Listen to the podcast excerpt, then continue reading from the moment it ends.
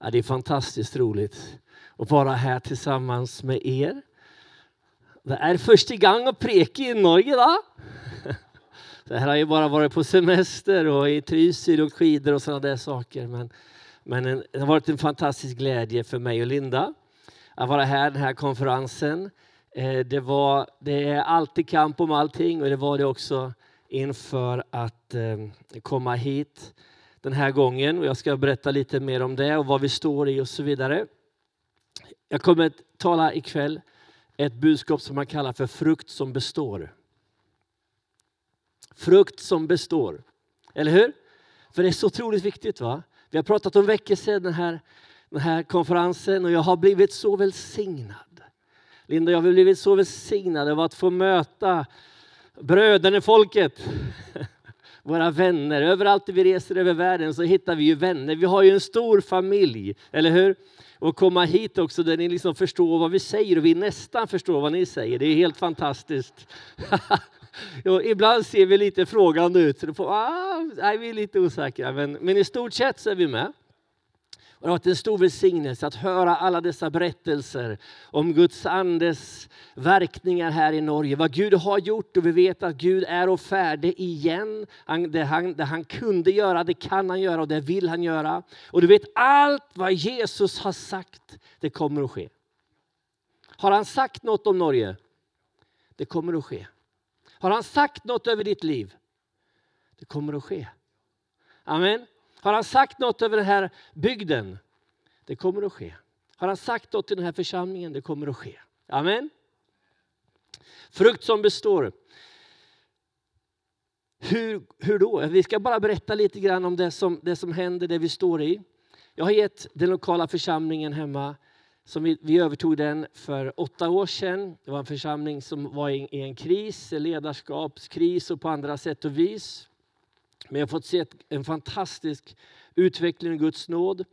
Men den enkla, enkla, enkla vision. Församlingen heter Agape, Arapi på grekiska. Det betyder Guds kärlek, det vet ju ni.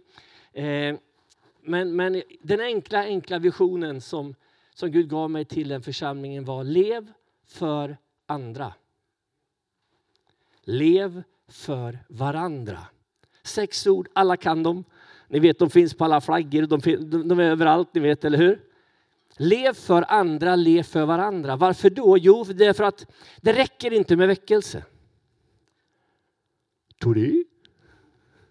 Nej, utan Jesus sa, jag har, jag har bestämt om er att ni ska gå ut och bära frukt. Sådan frukt som består. Amen. Väckelsens mål är inte väckelsen, väckelsens mål är frukt som består. Frukt som mognar, som växer upp och som bär ny frukt. Så att det blir en multiplikation, så att det växer. Eller hur? Amen. Från generation till generation, från hjärta till hjärta. Jag jobbar alltså då som, som lokal föreståndare i församlingen Agape Norrköping hemma och har också flera olika nationella uppdrag ordförande i ett, våra samfund i Sverige och så vidare. och så vidare. Det, det är mycket, mycket att göra och det går genom Guds nåd och att Linda är duktig på att hjälpa mig att tacka nej till massa saker. så det funkar bra. Eh, vi har fyra söner där hemma och de har varit med oss överallt. Eh, runt i alla kyrkor, i alla sammanhang, i pingstkyrkor, allianskyrkor och i allt ni vet, i hela Sverige, överallt. Sen de var små. Så när de var små så frågade de vilken kyrka ska vi till idag? Ja, vi ska till den och den kyrkan två timmar bort. Och så kom de med dit. Och så tog äldste brorsan Benjamin tog med sig allihopa. De satt på rad och sa nu går vi till söndagsskolan. Så gick de bara. En ny kyrka, nya människor. Och så har de vuxit upp i, i ett sammanhang, en kontext som har format Kristus i dem. Så när vi åkte här i, i, i, tors, i fredags morse var det förresten. Så den fredagen, alla, alla våra söner är med predikar, leder lovsången ungdomsarbetet och så vidare. Och det är en stor glädje för oss och vi är väldigt, väldigt tacksamma till Gud för det. Men vi kan säga det, det är inte, det är inte tack vare oss utan att de har fått växa upp i ett sammanhang med så många som i er ålder som har levt nära oss i vårt hus som vi har jobbat med som har liksom överfört tron. Som de har varit liksom förebilder som har funnits omkring oss. Och det har varit en sån stor välsignelse. Vi bodde tidigare i en mindre stad i, i, i Sverige som heter Oskarshamn. Fantastiskt vacker stad. Vi bodde i ett välbärgat område, ett jättefint hus, ett stort hus. Och allt var så där fint. Är ni med? Ja. Och sen sa Gud, inte längre. Så vi, man, ibland känner man att härlighetsmolnet kallar vi det för. Ni vet det där molnet som ledde Israels barn genom öknen. Ni vet. Att det bara att det reser sig, att det lyfter. Och man bara känner på hjärtat nu lyfter molnet. Då vet man att nu är det dags att röra på sig. Och en stad vi inte ville flytta till det var Norrköping. Men vi hade varit där förut och vi visste om den här situationen, att det var lite knöligt i den här församlingen. Eh, så det var inte alls det vad vi ville, men, men det var det som var rätt. Så vi böjde oss, vi böjde våra hjärtan. Och när vi flyttade till Norrköping så fanns det ett område som var väldigt besvärligt. Den sommaren vi flyttade in i det området som heter Klockartorpet. Eh, vi köpte oss ett radhus där, ett sånt lite engelsk stil, smalt och tre våningar högt. Där bor vi med våra fyra söner och två hundar. I det området vi flyttade till då, den sommaren eldade de 150 bilar i det området. Förstår ni? Ibland, ibland känns det. Ibland kostar det lite. Ibland får det kosta lite. Vad får det kosta? Det kan ju vara en fråga så här långt in i predikan. Vad får det lov att kosta? Vad hade hänt om vi hade sagt nej Gud, vårt hus är så viktigt eller vårt sammanhang är så viktigt eller vår, vår mysiga småstad är så viktigt. Vi kan inte flytta in i ett område som Klockartorpet. Det går ju inte. Vad hade hänt då? Men vi gjorde det och grannarna sa att om det ringer ambulansen så kommer de inte riktigt för att de måste vänta på poliseskort först. Så vi flyttade in dit och flera församlingar flyttade in dit och vi började be för området. Vi, delade, vi köpte biblar, jag tror vi köpte 1500 biblar och lika många barnlitteratur. Vi la dem i fina små, små gröna påsar och gick och delade ut i området. Vi, på sommaren när det var eh, lite skönt, även i Sverige, så ställde vi in gudstjänsterna och sa vi är inte i kyrkan utan vi går ut i det här området. Så vi var mitt i centrum ute i området och, och sjöng sångerna och predikade evangeliet. Jag sa till församlingen, det spelar ingen roll om någon lyssnar på oss eller inte. Utan vi är här för att inta området. Vi är här därför att min bibel säger att varje ort er fot beträder har Gud gett er. Så vi bara stod på där och en del i församlingen tyckte att det var bra, en del tyckte inte det var lika bra. Men vi var tvungna att göra det. Och det som hände var att Gud gjorde något fantastiskt. Han svarade på böner. Och polisen gjorde massa bra saker och kommunen gjorde bra saker och, och andra gjorde bra saker. Men det som hände var i alla fall att i det här området så blev det en förändring. Från att det var 150 rapporterade brott varje år så gick det ner till fem rapporterade brott varje år. I det Klockartorpet. Vi bor kvar där Eh, nu vet ju ni att det är en besvärlig tid i Sverige. Ni har hört om det på nyheterna eh, med, med gängvåld och skjutningar och såna här grejer. Och det, det, är liksom lite överallt kan man säga. Det räcker med att, med att någon i släkten är gängkriminell så kan man bli beskjuten. Så långt har det gått. Har ni hört om det på nyheterna? Det har nått er i Norge. Ja, det tycker om att prata om Sverige. och så var det hemma hos oss i torsdags kväll. Linda skulle gå ut med hundarna. Eh, vi, ja, efter nio, det vet. jag satt och kollade på Aktuellt, gör alla svenskar höll på att säga, men, men i alla fall den gången gjorde jag det. För att följa med nyheterna lite grann. Och Linda tittar ut. David, det ser ut som en sån här plastband. Det ser ut nästan som en sån här polisavspärrning. Jag går och tittar efter i fönstret. Ja, absolut, mycket riktigt. Ja, polisen har spärrat av hela vår innergård i torsdags kväll. Jaha, vi kan inte komma ut alltså från, från vår egen tomt. Liksom. Det var polisavspärrning där. Och jag tänkte, vad är det som har hänt? Vi, ingen hade någon aning om vad som har hänt. Så vi, vi ringde några som vi känner, var tittade på nyheterna och så vidare. Och till slut så ser vi då att det är, det är fullt med poliser utanför, runt omkring och omkring. Det var mörkt de gick och lyste med ficklampor och, i skogsdungen precis intill och, och så vidare. Och, och så, eh, så jag går ut, och, och inte utanför avspärrningarna såklart, men bara utanför dörren och säger hallå där, vad är det som händer? Liksom. Och då säger de vi kommer in till er alldeles strax, säger de. Så det kom in då två poliser och de berättar att ja, men inte eran dörr, men några dörrar längre bort här på eran innergård så var det en skjutning här nu klockan nio. Hörde, vad har ni hört och vad har ni sett? Så hela familjen, Linda och jag, alla fyra sönerna, någon flickvän till en av pojkarna som var hemma också, eh, blev förhörda och vi fick berätta vad vi hade sett och hört. Så, ehm, så nära kommer det eh, precis just nu. Så då vet vi att vi är på rätt plats, eller hur? Därför att ljuset, vart behövs ljuset? Där det är mörkt, eller hur? Vart gör ljuset skillnad? Så, eh, så där, där är vi och där verkar vi. Men, men det är klart att det var ju lite speciellt att sätta sig på planet och flyga till Norge då i fredags morse när vi på torsdagskvällen hade haft den upplevelsen hela familjen. Men eh, vi är jätteglada över att vi gjorde det. Jätteglada över att vara här. Det har varit en väldig uppmuntran att vara där på den här konferensen. I Lukas kapitel 4, vers 18 till 19 börjar vi. Jesus är det som eh, tar upp bokrullen och så läser han följande. Herrens ande är över mig. Halleluja. Herrens ande är över mig, läser han. För han har smort mig till att förkunna glädjens budskap för de fattiga. Han har sänt mig att utropa frihet för de fångna, syn för de blinda, att ge de förtryckta frihet och förkunna ett nådens år från Herren. Amen. Det var hans uppdrag och det är hans uppdrag. Och Herrens ande var över honom för att göra det.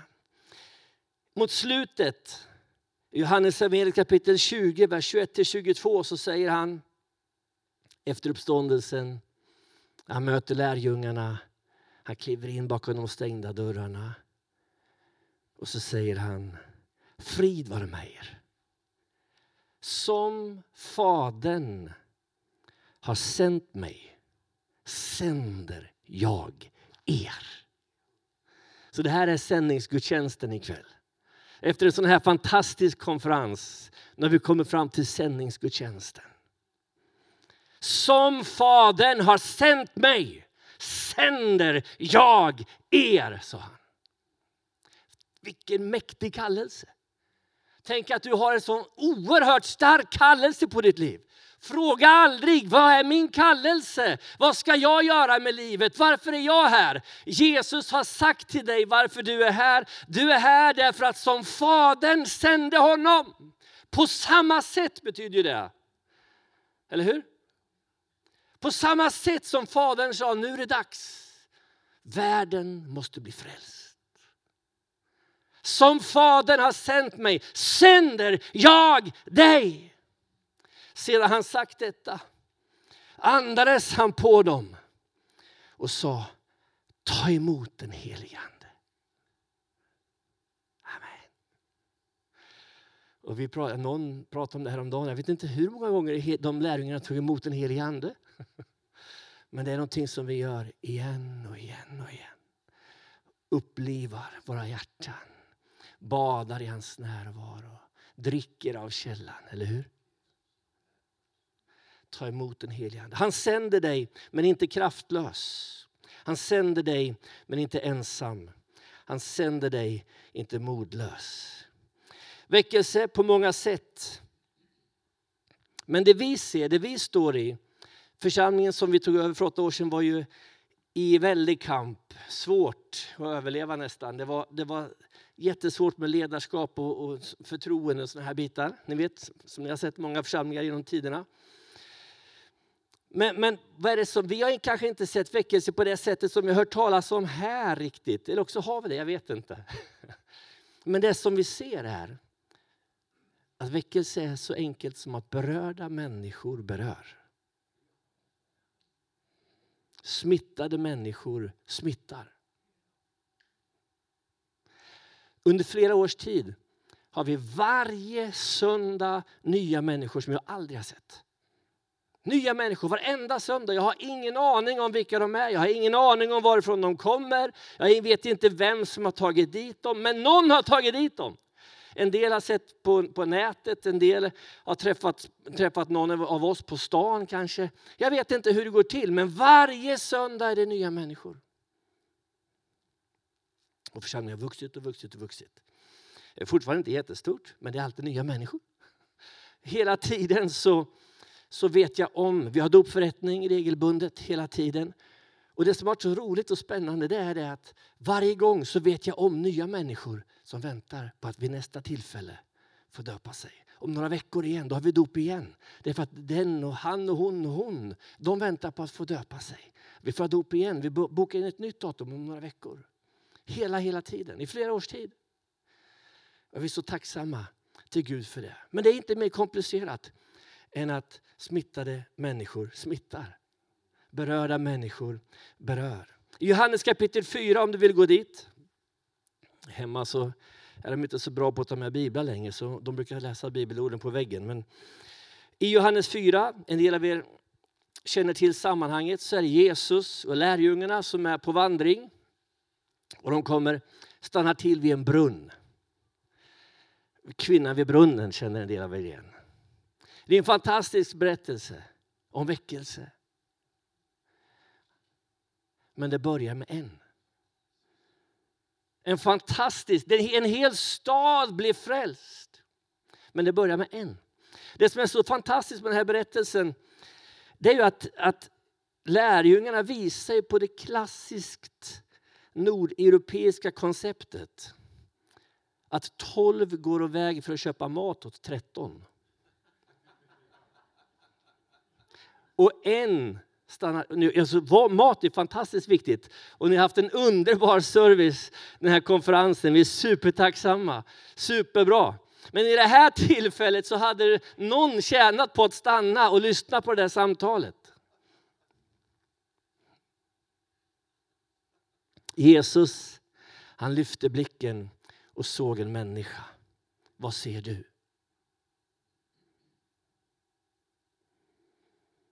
Vad ser du på arbetet imorgon? Vad ser du på skolan? Vad är det du ser när du tittar dig omkring? Och han initierar ett samtal med henne. Jag går inte igenom hela det, det här samtalet idag, men det är ett spännande samtal. Hon har sina frågor och Jesus svarar på hennes frågor. Han, han, eh, han som vet allt är inte så intresserad av att få berätta sin senaste uppenbarelse.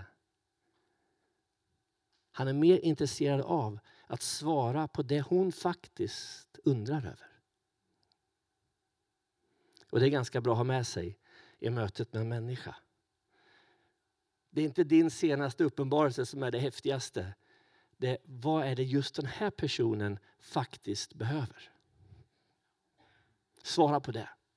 Börja där. Lyssna.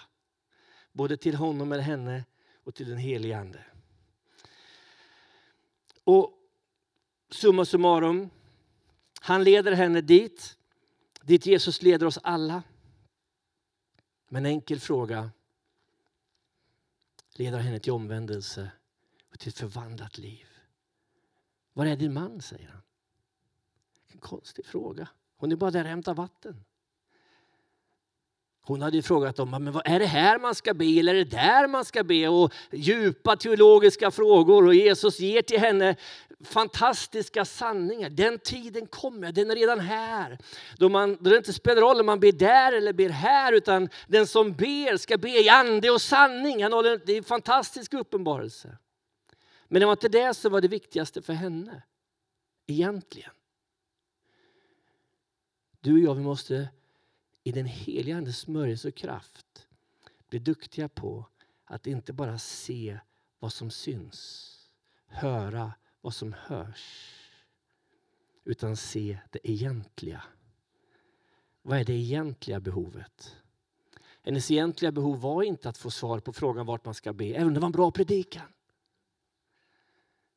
Hennes egentliga behov var långt djupare. Var är din man? Ja, jag, har, det, jag har ingen man, säger hon. Nej, det stämmer, säger Jesus som vet allt. Han säger fem män har du haft och den du har inte din man. Och någonting händer i henne.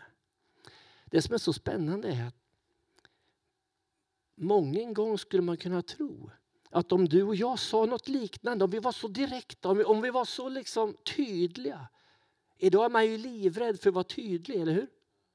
Vi bygger en kristenhet omkring oss som, som liksom vill trumfa varandra i otydlighet. Men för Jesus och i Jesus så finns det ingen dragkamp mellan sanning och kärlek. Låt ingen tvinga dig att välja sida mellan sanning och kärlek. Sanningen är Jesus. Och det är sanningen som sätter fri. Kärleken är Jesus. Eller hur? Gud är kärlek. Så det kan inte finnas en dragkamp mellan sanning och kärlek. Varför belyser han med sanningen hennes djupaste problem? Varför? Är det hårt? Är det dömande? Nej, det är hans djupa, djupa kärlek som vill rädda henne på riktigt. Eller hur? Det var hans kärlek som ställde frågan som belyste hennes djupaste, egentliga situation. Låt ingen tvinga dig att välja kärlek eller sanning. Det går inte att välja. Båda är Jesus. Amen. Och det finns inget evangelium utan omvändelse. Hon går därifrån, inte sur för att han har anklagat henne. Hon går inte därifrån bitter eller besviken. Nej, hon går därifrån och i vers 29 ser vi att hon går in till staden och säger kom. Kom så får ni se en man som har sagt mig allt jag har gjort. Han kanske är Messias. Hon var helt förvandlad. Då gick de ut ur staden och kom till honom och det bröt ut en väckelse. De bad honom stanna där. Det var ju det vi har lärt oss där de här dagarna. Att väckelse är när vi ber Jesus komma igen. Kom och stanna, var här. De fick väckelse i den staden. Och Jesus förklarar situationen för sina lärjungar efteråt. Han säger, säg inte ni, det är fyra månader, sen kommer skörden. Säger inte ni att sen? Om bara väckelsen bryter ut. Vi väntar lite till. Sen, sen gör vi något. Vi går och köper mat så länge. Eller vi fixar och trixar med vårt eget. Sen. Säger ni inte så? sa Jesus.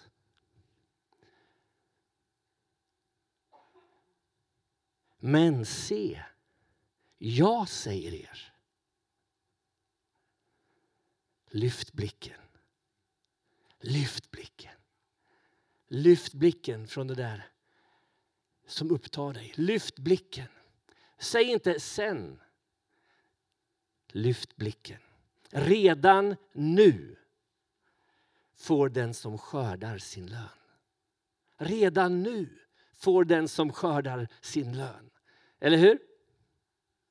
Det är inte sen, det är nu, säger Jesus. Det är inte, alltså, titta inte på mig så där, utan det är ju Jesus som säger det.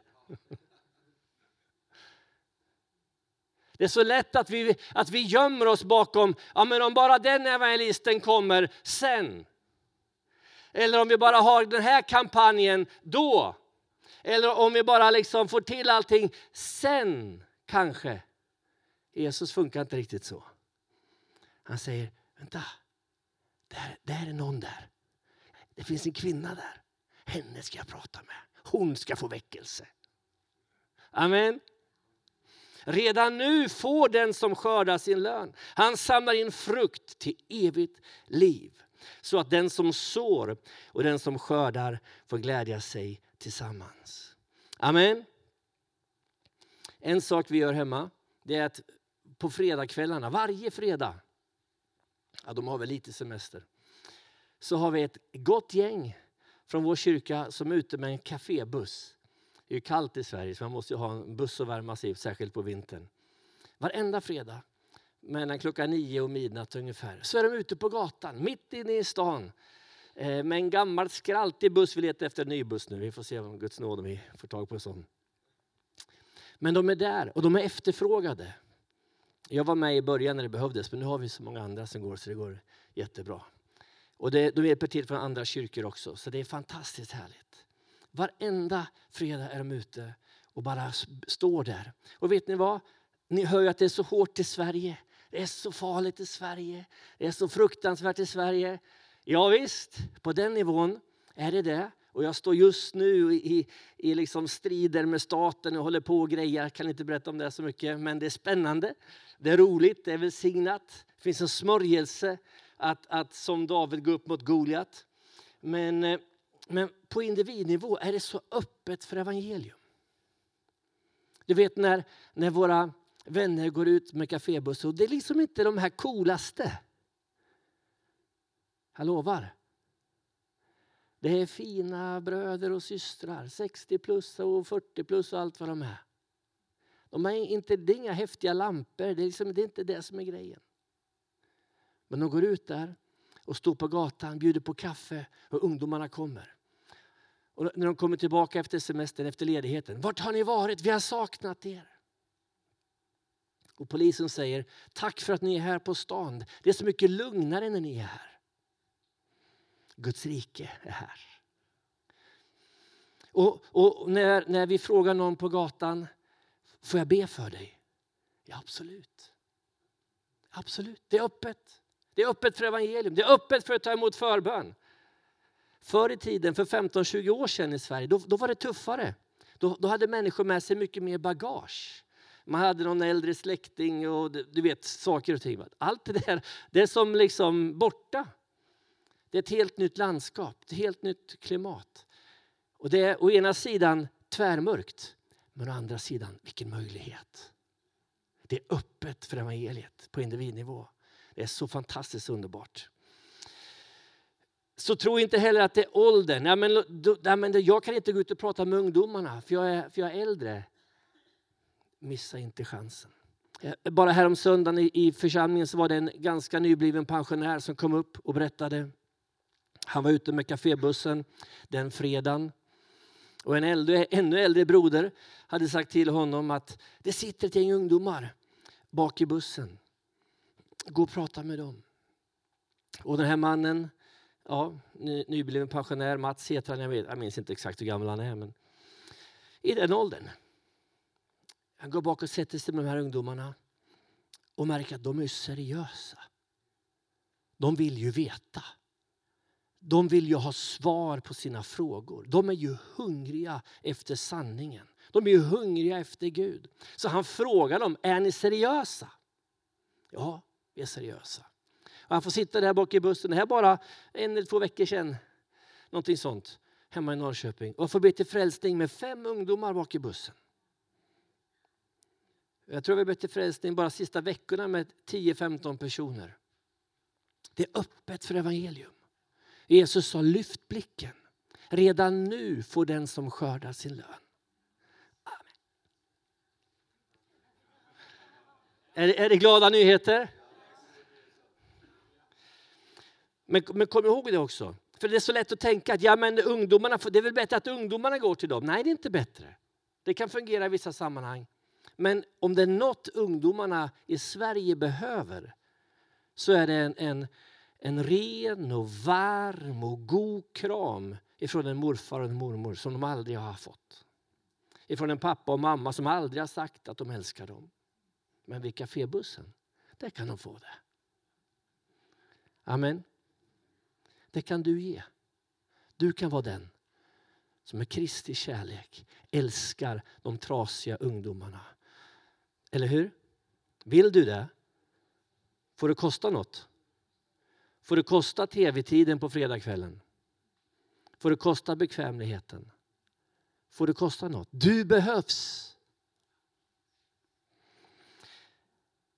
Nya människor varje söndag, alltid dopkandidater. Det låter kanske när jag berättar som att det bara är människor av liksom, som kommer in med, med armborst ungefär till kyrkan, eh, eller vapen och sånt. Så är det inte. Vi har ganska mycket det, men inte bara det. Vi har alla kategorier i kyrkan. Vi har allt ifrån dem till kommunalrådet och professorer och företagsledare och så vidare. Eh, och alla färger och former i församlingen. Jag är jättetacksam för det. det jag, jag, Linda jag brukar brukar glädja oss över det. Så det, det ser ut som himlen. Det är massa språk och det är färger och det är former och så vidare. Men, men en sån där, vi har, men vi har ganska många som kommer som har bagage med sig kan man säga. Jag berättar bara en kort berättelse. julen kom ju snart. Förra julen så, så um, kom det in, på morgonen innan vi skulle ha en julfrukost i kyrkan, eh, så skriver en, en, en bekant till mig ja, pastorn, jag är, jag är hög som ett hus. Men kan jag få komma? Jag måste få komma. Kan jag få komma till kyrkan? Ja, men självklart ska jag Kom. Men jag var ju lite beredd.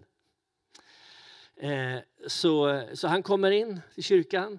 Och jag går fram för att krama om honom och, och visa honom. Och en, en ny tjej hade han med sig som jag aldrig hade sett förut. Eh, och jag kramar om honom och så låter det så här. Jag känner, ja men va? Du har ju skyddsväst på dig. Ja, jo, jag vet. Jag var uppe i Stockholm igår och det var vapen och grejer. Och liksom, ja. Då var det liksom någon konflikt. Så han, han kommer hög som ett hus med skyddsväst till, till gudstjänsten. Var han välkommen? Var han välkommen? Selvfølgelig. Vart skulle han annars gå? Vart skulle han annars gå? Kan jag få komma till gudstjänsten idag? Kan jag få komma? Den där tjejen han hade med sig, hade vi aldrig träffat, men någon vecka senare så, eh, så, så kommer hon in på kontoret efter gudstjänsten och vill ge sitt liv till Jesus.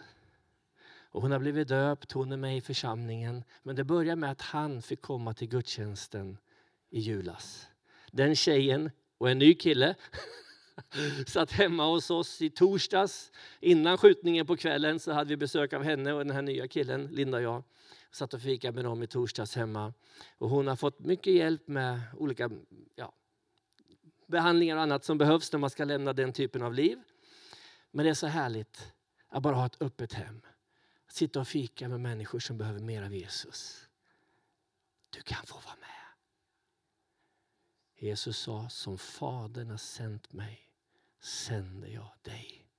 Vem åt Jesus med? Vem lunchade Jesus med? Vilkas bröllop gick Jesus på? Så de satt där i torsdags och, det, det, är, jag, ska inte, jag ska inte sticka under stolen med att det är mycket arbete med människor som kommer med bagage som kommer från gatan och så vidare. Det, jag, jag erkänner, det är jättemycket arbete. Och det är därför som alla behövs. Om du vill ha väckelse så är det det här det är. Väckelse stavas att du öppnar din hemmadörr för de här människorna. Väckelse stavas att du har tid vid ditt köksbord. Mitt köksbord, det är kliniskt rent. Det har aldrig varit en smula fel där minsann. Ja, men vill du ha väckelse så är det där det betyder. Vem ska lära dem att be till Gud? Vem ska lära dem att gå upp på morgonen? Vem ska lära dem att öppna en bibel? Du! Äh, vi har anställt någon till dig i kyrkan. Det räcker inte. Helt omöjligt om ni vill ha fler än en frälst. Eller hur? Alla behövs. Ja, men jag är för gammal. Nej! Du är perfekt ålder. Du är perfekt ålder för att vara använd av Jesus. Ja, men de är så unga. Du är perfekt ålder för de unga. De behöver en kram, de behöver kärlek, de behöver omsorg, de behöver förebilder, de behöver ordning, de behöver allt det du är så perfekt bra på. Ja, men de vill inte ha det. Jo, det vill de. En del av dem vet inte om att de vill ha det ännu, men de vill ha det. Och många vet att de, vill ha, att de, de vet om att de vill ha det, de vet att de behöver det, men de vet inte att du kan ge det. För de tror att du tänker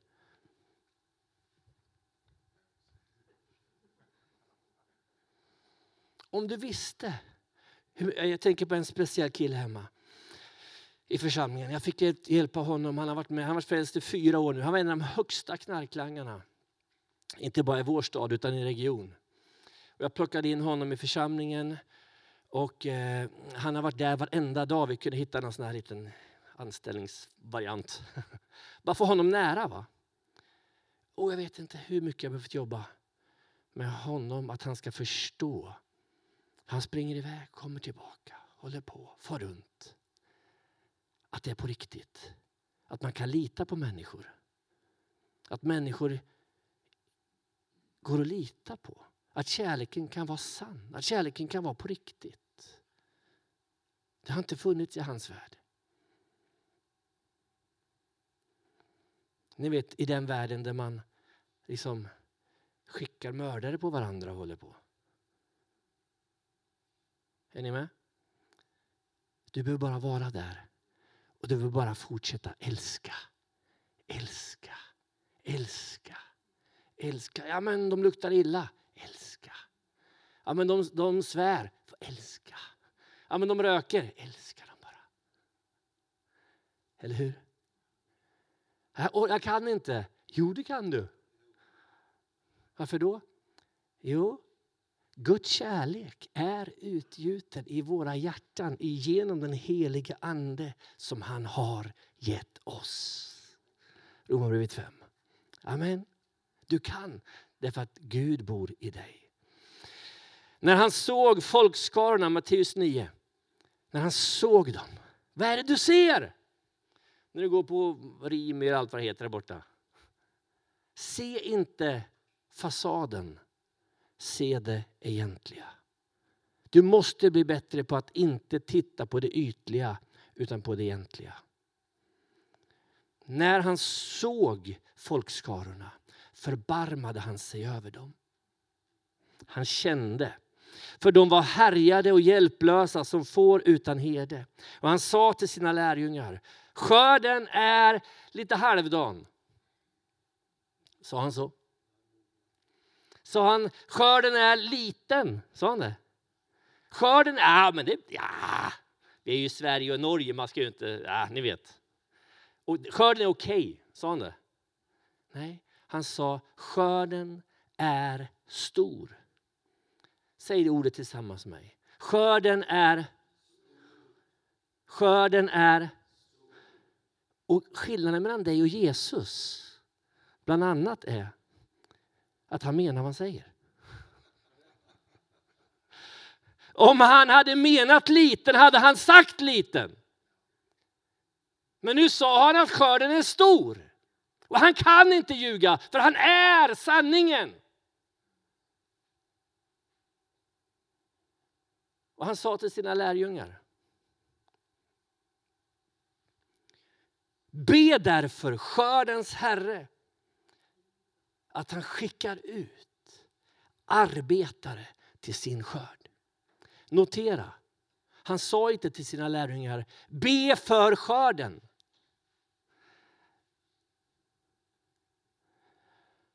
Tog det?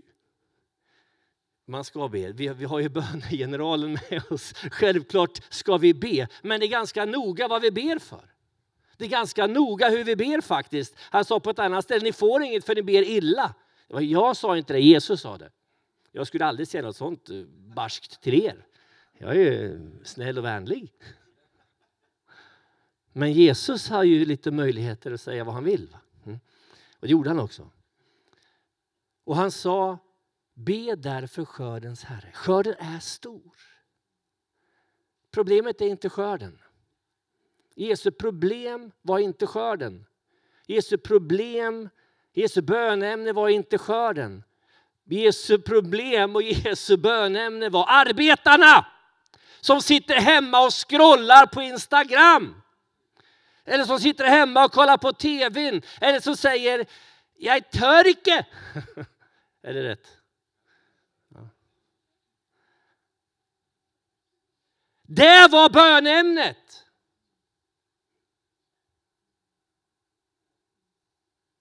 Skörden, den är stor.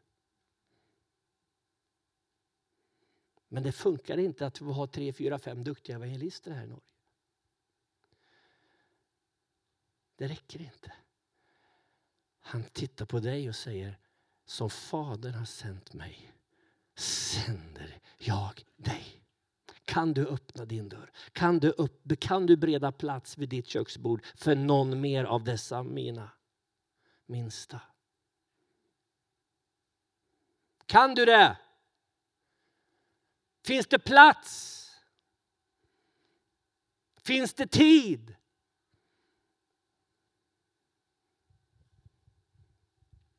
När han såg folkskarorna, han förfärade sig inte. Det är en synd när vi förfärar oss över människor.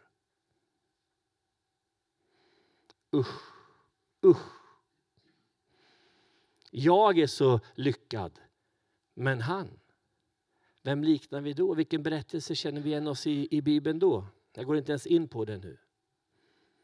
Han förfärade sig inte över syndaren. Han blev inte rädd. Han förbarmade sig.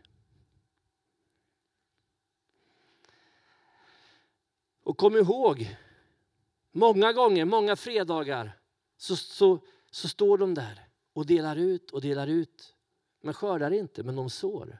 Så sörj inte när du sår. Sörj inte när du sår. Skörden är stor, då menar han inte liten. Men arbetarna är få. Församlingarna borde handla mindre om bekvämlighet och mer om människor.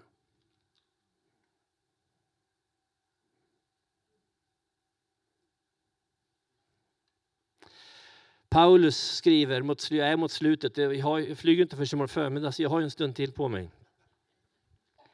Paulus skriver, fri och oberoende av alla har jag gjort mig till allas tjänare för att vinna desto fler. Det fanns inget som var så viktigt i hans liv. Någon måste bli frälst. Någon måste bli frälst. För de svaga har jag blivit svag, säger han. För att vinna de svaga. För alla har jag blivit allt.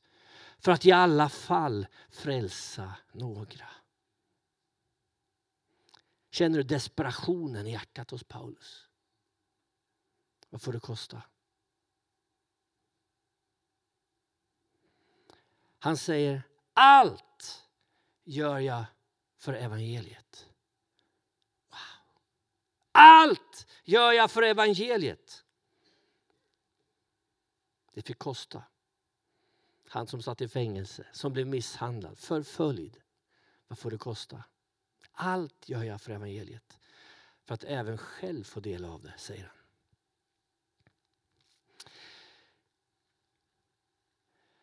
Och han säger Jag vet att när jag kommer till er, då kommer jag med Kristi välsignelse i fullt mått. Hur, hur kan han säga så? Vilken totalt magnifik bekännelse. Vet du varför han sa så?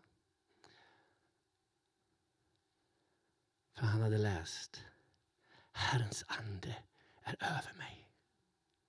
Han har smort mig till att förkunna. Amen. Och när han hade hört Jesus viska i hans öra. Som Fadern har sänt mig sänder jag dig. Ta emot den helige Ande. Så han visste att det är inte bara jag. Det är någon mer. Varför vågar du öppna ditt hem? Varför vågar du bjuda in någon till ditt köksbord? Jo, därför att det är inte bara du. Guds ande är där. Han säger, jag vet att när jag kommer till er så kommer jag med Kristi välsignelse i fullt mått. Vi behöver ett hjälp här. Säg fullt mått. Jag förstår att det där tar lite tid att skruva till. Alltså. Säg det en gång till. Fullt mått. Jag vet att när jag kommer till er så kommer jag med Kristi välsignelser i fullt mått.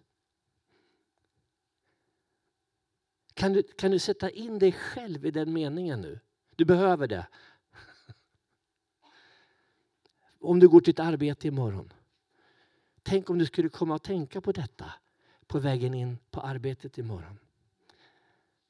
När jag sätter min fot på kontoret imorgon så kommer jag in på kontoret med Kristi välsignelser i fullt mått. Gud är här. Allt är möjligt. Vad behöver du min vän? Jesus är här nu. Ja, men jag känner ingenting. Det stod inget om det. Det här handlar inte om vad du känner eller inte känner. Det här handlar om att han kan inte ljuga. Han som sa se, jag är med er alla dagar intill tidens slut.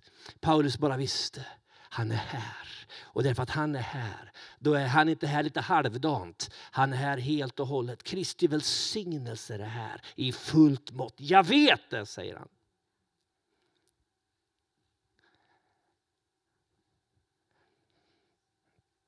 Vi hade en evangelist på 1800-talet som hette Anders Bogren i Sverige. Han, han red omkring i Sverige och han ropade. Jag skulle vilja att det här blir din bekännelse. Han ropade på det här sättet.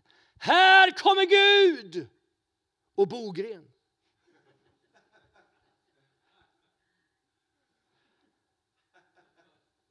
Alltså om ni börjar med det, då har ni väckelse här. Det, det, det är ett hundra procent trovärdigt råd. Om ni börjar med det. Här kommer Gud! Och Daniel. Amen. Det är aldrig bara Daniel. Det är Gud och Daniel. Och Det är intressant, den ordningen är också viktig. va? För en del de kommer gärna med, här kommer David. Uh. Helt ointressant, helt kraftlöst. Men här kommer Gud! Och David. Är ni med? Vad är det som är intressant? Det är att Gud är här. Gud är här nu. Allt är möjligt. Amen. Paulus skriver till korintierna, jag avslutar med det här typ. I andra Korintierbrevet kapitel 13, vers 5. Pröva er själva om ni lever i tron. Pröva er själva om ni lever i tron. Det är väldigt intress- Nu börjar det intressant. Nu är det prov här i kyrkan. Läxförhör. Eller vet ni inte med er? Vet ni inte med er att Jesus Kristus är i er? Vet ni inte det? Gör ni inte det? Om inte, säger han, så består ni inte provet. Jag har inte hittat på det här läxförhöret.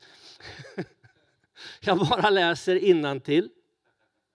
Paulus säger om sig själv, jag vet att när jag kommer till er så kommer jag med Kristi välsignelse i fullt mått. För han som bor i mig. Eller hur? Och så frågar han, pröva er om ni lever i tron. Eller vet ni inte med er att Jesus Kristus är i er? Vet ni inte det? Älskade norrmän, vet ni inte det? Älskade norskor, vet ni inte det? Jesus Kristus är i dig.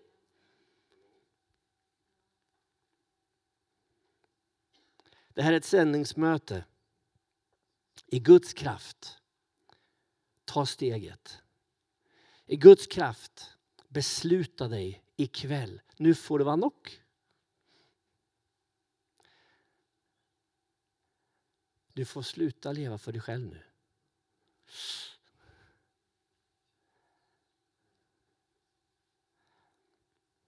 Det kanske inte blir för dig så att du måste flytta till något sunket område med massa skjutningar. Det kanske inte. Men kanske. Jag vet inte, Gud vet. Men vad får det kosta för dig? Vad är evangeliet värt för dig? Vad betyder det att följa Jesus för dig? Ni säger att ni vill ha väckelse. Väckelse är när de troende i er stad skapar utrymme för andra i sin kalender. Väckelse är när du har tid för någon som söker. Väckelse är när du får ta någon i handen och säga låt oss vandra tillsammans.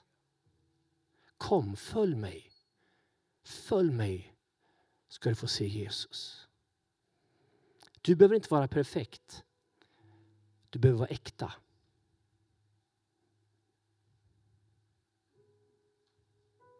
Det värsta som kan hända är, det är om det är på låtsas. Du behöver inte kunna allt, du behöver inte vara perfekt. Men du måste vara äkta. Guds kärlek tvingar mig. Tillåt Guds kärlek att tvinga dig. Det har varit en fantastisk konferens. Vi har talat om, om väckelse på plats efter plats. Vad Gud har gjort. Och Gud vill göra det igen. Och vi ser det hemma.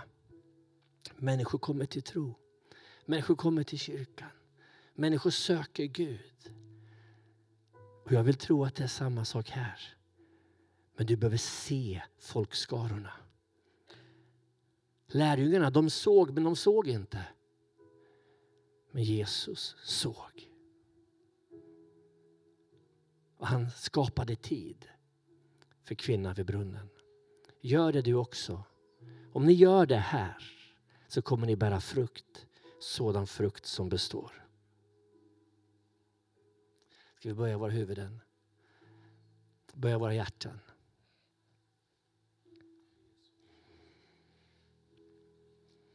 Herre, du känner våra hjärtan. Du känner vår längtan.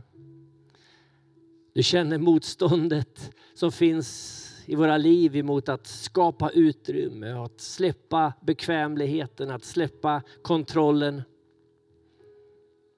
Och vi erkänner det inför dig, Herre. Vi bekänner det som synd inför dig, Herre. Förlåt oss, Herre. Förlåt oss, Herre. Förlåt oss Herre när våra hjärtan blivit hårda, när våra hjärtan inte längre bultar som ditt hjärta för de förlorade. Jesus, vi ber om nåd, nåd, nåd. Vi behöver nåd. Förlåt Herre. Förlåt oss Herre.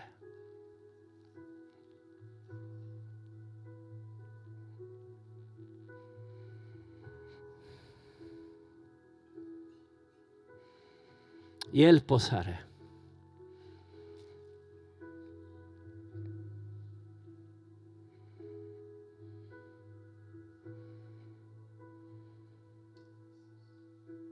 Hjälp oss att skapa tid. Hjälp oss att se människor som du ser. Hjälp oss att se inte fasaden utan det egentliga.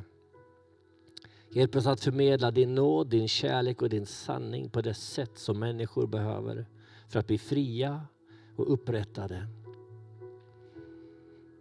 Hjälp oss här att inte låta tankarna på våra egna begränsningar hindra oss utan hjälp oss att se att du är där. Med din ande, med din kraft, med din förmåga. Du är där. Du är där vid vårt köksbord. Du är där på parkeringen utanför matbutiken. Du är där på arbetsplatsen. Du är där vi är.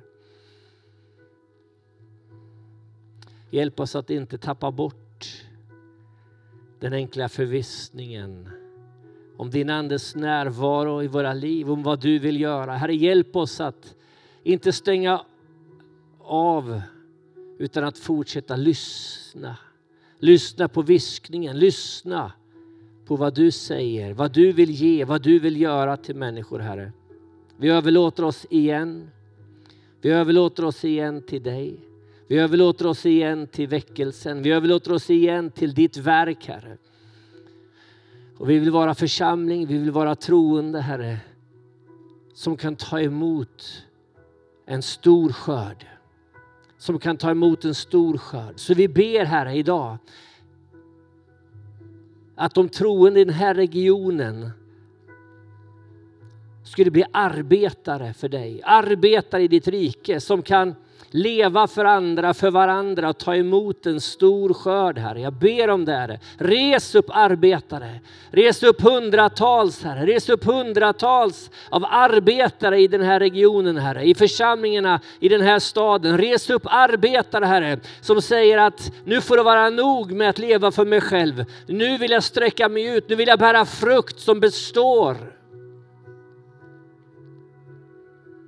Jag ber om det, Herre.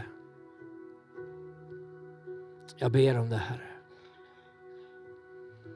Tack att du tittar på oss ikväll med din genomträngande, kärleksfulla blick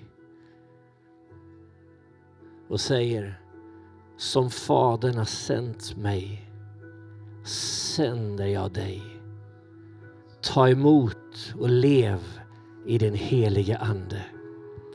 Amen.